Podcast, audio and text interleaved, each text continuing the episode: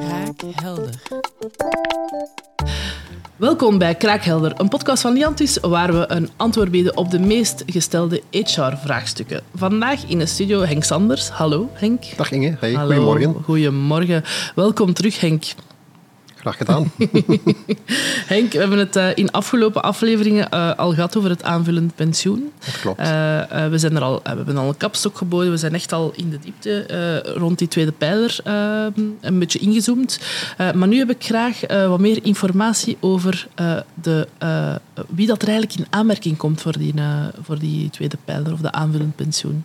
Voilà, oké. Zal ik wat toelichting over geven? Sowieso is de werkgever die zit aan het stuur van de groepverzekering. Die neemt zelf het initiatief en bepaalt eigenlijk wie dat aangesloten wordt. Nu, zomaar bepalen wie aangesloten wordt, dat kan hij niet. Als hij eh, zijn werknemers wil aansluiten, dan moet hij eigenlijk voor kiezen dat alle werknemers aansluiten. Dus je kan bijvoorbeeld ook geen onderscheid maken tussen arbeiders en bedienden. Wat hij wel kan doen, dat is een afgescheiden categorie eh, maken.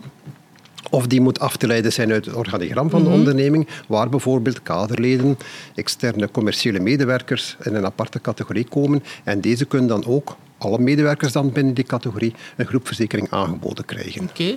Is er ehm, een, een specifiek moment dat, we eigenlijk, dat je eigenlijk meer ziet wanneer dat groepsverzekeringen worden afgesloten qua grootte van onderneming? Of is dat iets dat... Wel, dat heeft inderdaad een evolutie ondergaan in de loop van de tijd. Als ik dat eh, bekijk een tiental jaar geleden, dan waren het vooral de grotere ondernemingen, de meer mature, HR-mature ondernemingen, die een groepverzekering aanboden eh, aan hun werknemers. Maar op vandaag zien we inderdaad dat de KMO ook eh, moet vechten om talent binnen te halen.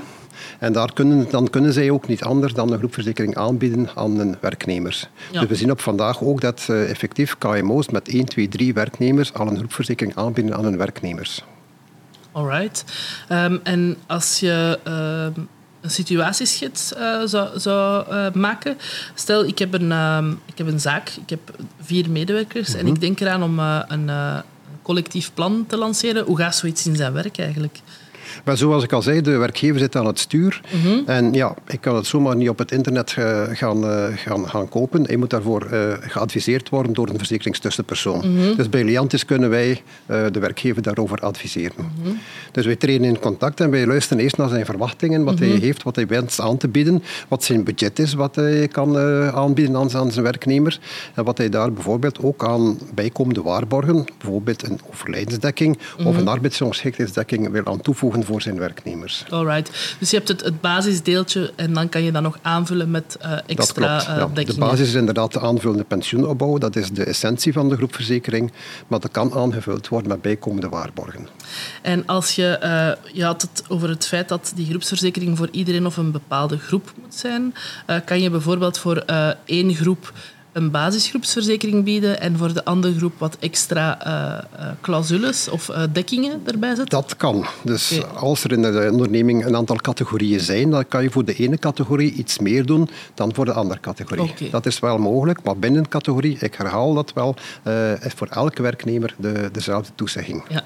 En zie je, zie je dat veel terugkomen, dat er een verschil wordt gemaakt, of is het algemeen eigenlijk dezelfde, zijn het algemeen dezelfde Dat komt voorwaarden? inderdaad wel voor, maar de, de meer bescheiden KMO's, als ik het zo mag Mhm. uitdrukken, die hebben een tiental medewerkers of vijftiental medewerkers. Daar eh, zien we dat er eh, minder categorieën zijn qua Ja. medewerkers. En is het inderdaad een groepverzekering voor alle medewerkers die daarin gericht wordt. Alright, super interessant.